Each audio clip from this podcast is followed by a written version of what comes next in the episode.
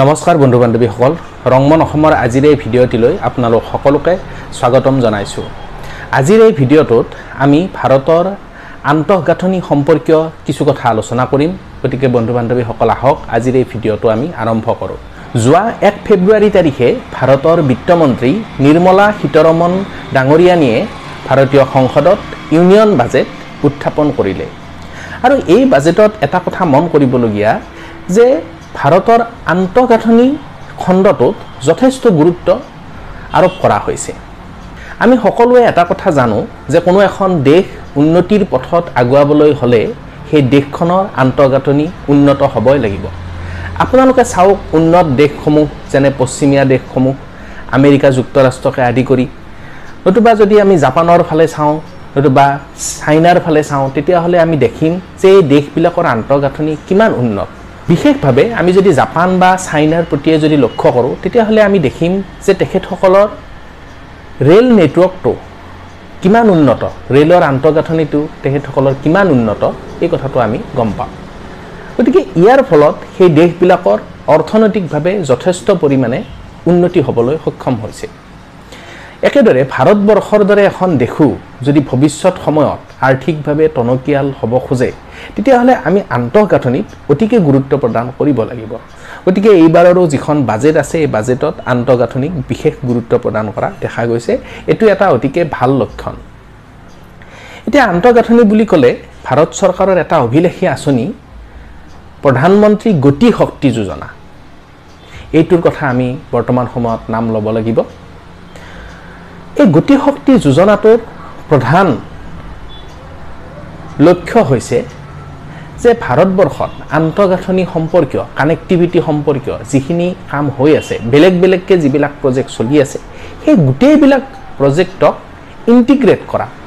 Integrate কৰি এটা আমব্ৰেলাৰ তলত লৈ অনাৰ এক বিশেষ প্ৰক্ৰিয়াই হৈছে পি এম গতি শক্তি যোজনা।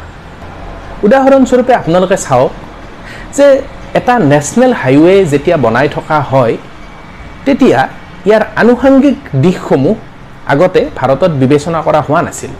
ফলত কি হৈছিল যে নেশ্যনেল হাইৱেৰ কাষত যদি এটা তেলৰ পাইপলাইন আনিব লগা হয় আকৌ নতুনকৈ তাৰ কাৰণে ভূমি আবণ্টন ল'ব লগা হয় আকৌ সেই তেলৰ পাইপলাইনৰ কাৰণে মাটি খান্দি তাত পাইপলাইন বহাবলগীয়া হয়। অকল তেলৰ পাইপলাইন বুলিয়ে ক'ব খোজা নাই যদিহে তাত অপটিকেল ফাইবাৰৰ লাইন আনিব লাগে। নতুবা টেলিফোনিক যি ৱায়াৰ আছে এইবিলাক যদি মানে মাটিৰ তলেৰে যদি সেই তাৰৰ তাৰৰ কানেকশ্যনবিলাক যদি আমি দিব লগা হওঁ গতিকে এইবিলাক বেলেগ বেলেগকৈ আমি প্ৰচেছ অনুসৰি এইবিলাক আমি কৰোঁ।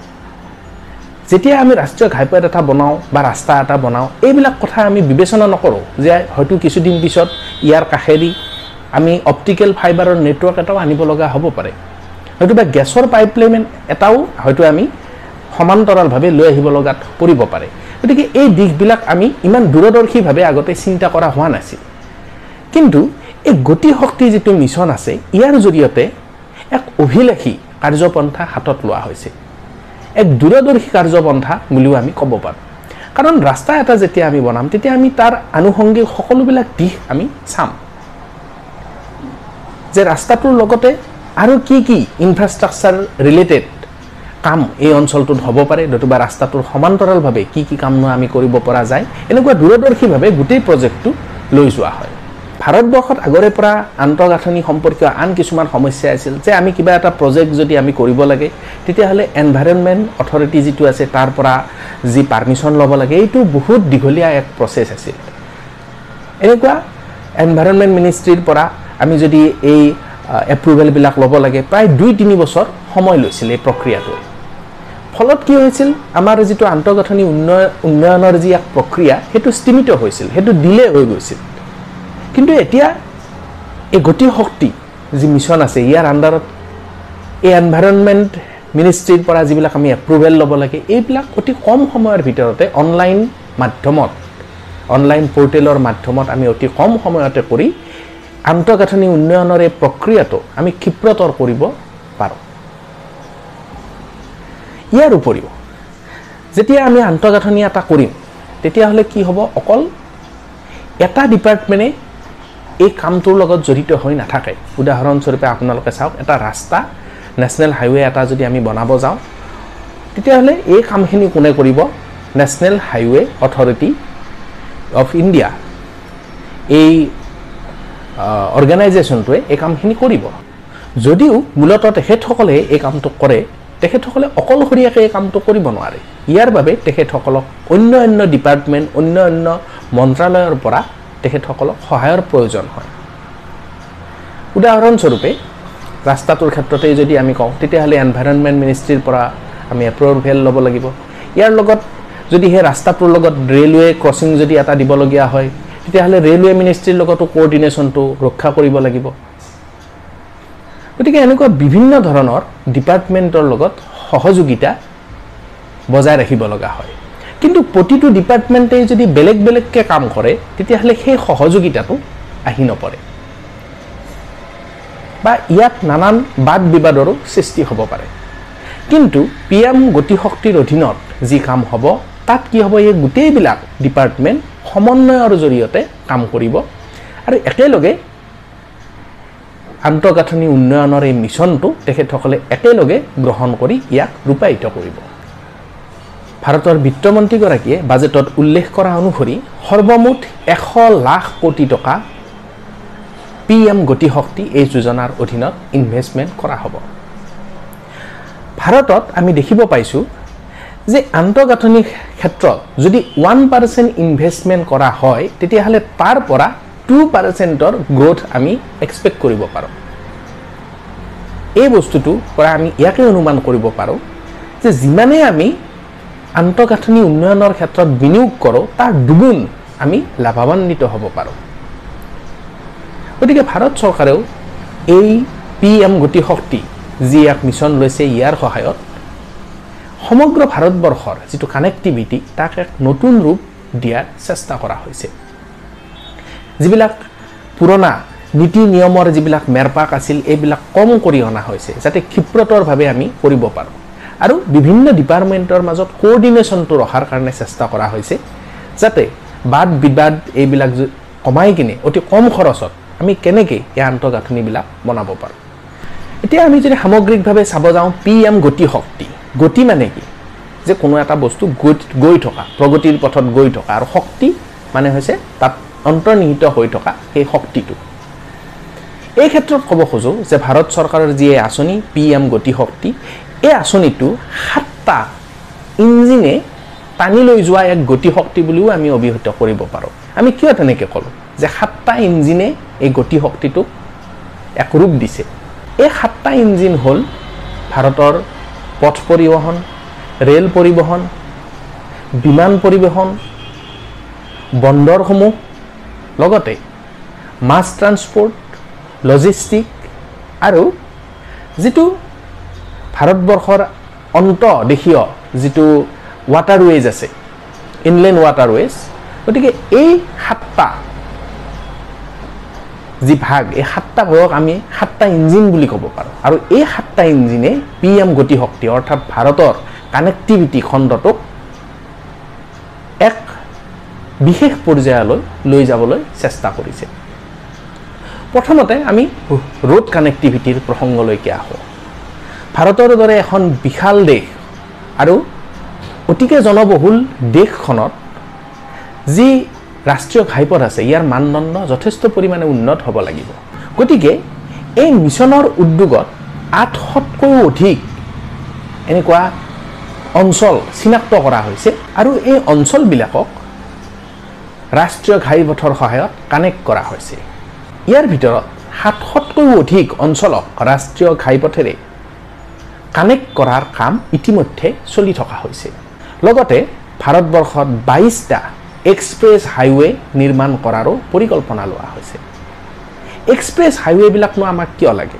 ইয়াৰ উদ্দেশ্য এইটোৱেই যে ভাৰতবৰ্ষত যিবিলাক অঞ্চলত যিবিলাক চহৰ অতিকে জনবহুল যিবিলাক চহৰ ভাৰতবৰ্ষৰ অৰ্থনৈতিক ক্ষেত্ৰৰ কেন্দ্ৰবিন্দুস্বৰূপ এই চেণ্টাৰবিলাকক কানেক্ট কৰাৰ কাৰণে আমাক কি লাগিব? এক্সপ্ৰেছ হাইৱে উদাহৰণস্বৰূপে ভাৰতৰ দিল্লী আৰু মুম্বাই দুখন প্ৰধান চহৰ এই দুখনক একেলগ কৰাৰ কাৰণে যিটো এক্সপ্ৰেছ হাইৱে বনাই থকা আছে দিল্লী মুম্বাই এক্সপ্ৰেছ হাইৱে ইয়াৰ উপৰিও দিল্লী অমৃতসৰ হাইৱে হাৰিয়ানা থকা যিটো trans Haryana corridor trans Rajasthan corridor এইবিলাকৰ সহায়ত কি কৰা হৈছে? অৰ্থনৈতিকভাৱে যিবিলাক গুৰুত্বপূৰ্ণ কেন্দ্ৰ আছে ভাৰতৰ সেইবিলাকক অভিলেখী এক্সপ্ৰেছ হাইৱেৰ সহায়ত কানেক্ট কৰা হৈছে। ইয়াৰ উপৰিও এতিয়া যদি আমি ৰেলৱেৰ ক্ষেত্ৰত যদি আহোঁ ৰেলৱেটো কি কৰা হৈছে? খেতিয়কসকলক বিশেষ গুৰুত্ব দি ৰেলৱে ডিপাৰ্টমেণ্টে কি কৰিছে?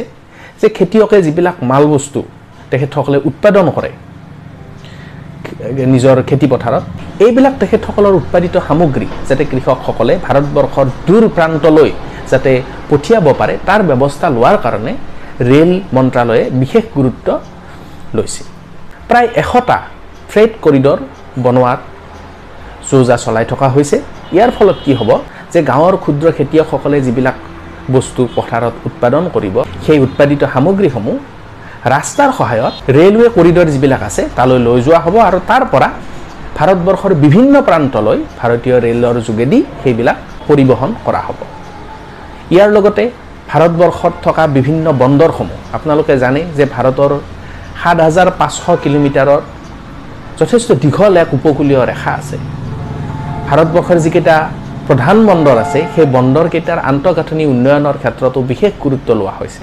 আপোনালোকে জানে ভাৰতবৰ্ষৰ প্ৰায় আশী শতাংশতকৈ অধিক যি মালবস্তু বিদেশৰ লগত আমদানি ৰপ্তানি কৰা হয় সেইবিলাক বন্দৰৰ সহায়ত কৰা হয়। গতিকে বন্দৰসমূহৰ আন্তঃগাঁথনি বিশ্বমানৰ কৰাৰ কাৰণে প্ৰয়াস কৰা হৈছে।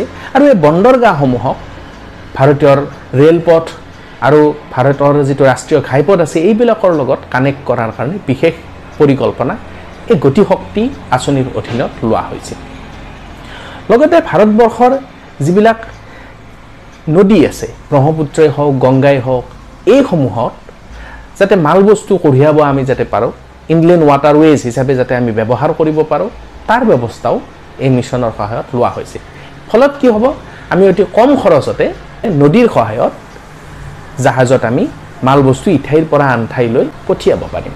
আমি আগতেই উল্লেখ কৰিছোঁ যে ভাৰতবৰ্ষত এইটো দেখা পৰিলক্ষিত হৈছে যে আন্তঃগাঁথনিৰ ক্ষেত্ৰত যদি আমি ওৱান পাৰ্চেণ্ট ইনভেষ্টমেণ্ট কৰোঁ আমি টু পাৰ্চেণ্টৰ ৰিটাৰ্ণ পাওঁ গতিকে আপোনালোকে অনুমান কৰক এই বৃহৎ পৰিমাণৰ ইনভেষ্টমেণ্ট যি আন্তঃগাঁথনি উন্নয়নৰ ক্ষেত্ৰত কৰিব গৈ থকা হৈছে ইয়াৰ ফলত ভাৰতবৰ্ষ কিমান ধৰণে লাভৱান্বিত হ'ব ভাৰতৰ জনসাধাৰণ কিমান ধৰণে উপকৃত হ'ব আপোনালোকে নিশ্চয় অনুমান কৰিব পাৰিছে। কাৰণ এখন অঞ্চলৰ যদি আন্তঃগাঁথনি উন্নয়ন হয় তেতিয়াহ'লে সেই অঞ্চলৰ মানুহখিনিও আৰ্থিকভাৱে টনকিয়াল হৈ উঠে। যদি ৰাস্তা ঘাট ভাল হয় কানেক্টিভিটি ভাল হয় তাত ইণ্ডাষ্ট্ৰিসমূহ গঢ় লৈ উঠে।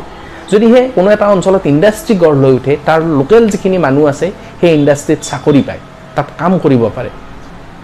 সংস্থাপনৰ সৃষ্টি হয়। ফলত কি হয়? নিবনুৱাৰ সংখ্যা হ্ৰাস পায়। মানুহখিনিৰ সেই অঞ্চলত থকা মানুহখিনিৰ উৎপাদন ক্ষমতা বাঢ়ে আৰু ফলত মানুহখিনি ধনী হয় আৰ্থিকভাৱে টনকিয়াল হয়। লগতে কি হয়? ভাল ৰাস্তা ঘাট যদি হয় আপোনালোকে চাওক এখন জেগাত এটা সময়ত হয়তো কোনো এটা ভাল ৰাস্তা নাছিল। কিন্তু এটা সময়ত যদি সেই অঞ্চলটোত এটা বহুত ধুনীয়া ৰাস্তা এটা যদি বনাই দিয়া হয় চৰকাৰৰ দ্বাৰা তাত যদি ছাইডত ইণ্ডাষ্ট্ৰি গঢ় লৈ উঠে তেতিয়াহ'লে কি হ'ব? সেই অঞ্চলখিনিত মাটিৰ দাম বহুত পৰিমাণে বাঢ়ি যাব। ফলত যিবিলাক মানুহৰ সেইখিনি অঞ্চলত মাটি আছে তেখেতসকলে তাত ঘৰ বনাব পাৰিব আৰু সেইবিলাক ভাড়াত দি কিনেও যথেষ্ট পৰিমাণে লাভৱান হ'ব পাৰিব। আৰু যেতিয়া কোনো এটা ৰাস্তা বা কোনো এটা উদ্যোগৰ যেতিয়া নিৰ্মাণ কাৰ্য চলি থাকে কিমান সংখ্যক শ্ৰমিকে সেই নিৰ্মাণ কাৰ্যত নিয়োজিত হৈ নিজৰ জীৱিকা অৰ্জন কৰিব পাৰে আপোনালোকে নিশ্চয় সেই কথাটো অনুধাৱন কৰিব পাৰিছে গতিকে ইয়াৰ ফলত কি হ'ব? সেই সমগ্ৰ অঞ্চলটো অকল সেই অঞ্চলটোৰে নহয় দূৰ দূৰলৈ ইয়াৰ এক সুদূৰ প্ৰসাৰী প্ৰভাৱ পৰিব আৰু মানুহৰ আৰ্থিক অৱস্থা টনকিয়াল হ'ব। গতিকে ভাৰত চৰকাৰৰ যি এক পদক্ষেপ পি এম গতিশক্তি এই আঁচনিখন সঁচাকৈ বৰ্তমান সময়ত আটাইতকৈ প্ৰয়োজনীয় এখন আঁচনি বুলি আমি ক'ব খোজোঁ। কাৰণ বৰ্তমান সময়ত আন্তঃগাঁথনি উন্নয়নত বিশেষ গুৰুত্ব প্ৰদান কৰাৰ সময় আহি পৰিছে। কাৰণ এতিয়াই যদি আমি ভাৰতবৰ্ষৰ আন্তঃগাঁথনি উন্নয়নত গুৰুত্ব নিদিওঁ ভৱিষ্যত প্ৰজন্মই ইয়াৰ কুফল লাভ কৰিব। আৰু যিমান সোনকালে সম্ভৱ হয় আমি ভাৰতবৰ্ষৰ আন্তঃগাঁথনিটো ৱৰ্ল্ড ক্লাছ যদি কৰিব পাৰোঁ তেতিয়াহ'লে ঔদ্যোগিকভাৱে হওক আৰ্থিকভাৱে হওক আমি উন্নতি কৰি আমাৰ ভাৰতবৰ্ষৰ জনসাধাৰণৰ আৰ্থিক আৰ্থিকভাৱে আমি টনকিয়াল হ'ব পাৰিম। গতিকে আশা ৰাখিছোঁ এই আঁচনিৰ জৰিয়তে সমগ্ৰ ভাৰতবাসী উপকৃত হ'ব। মৰমৰ বন্ধু বান্ধৱীসকল আজিৰ এই ভিডিঅ'টোত ইমানখিনিয়ে। আশা কৰিছোঁ আপোনালোকে ভিডিঅ'টো চাই ভাল পালে। যদিহে ভাল পালে কমেণ্টত জনাব আৰু চেনেলটো ছাবস্ক্ৰাইব কৰিব। আপোনালোকক বহুত বহুত ধন্যবাদ।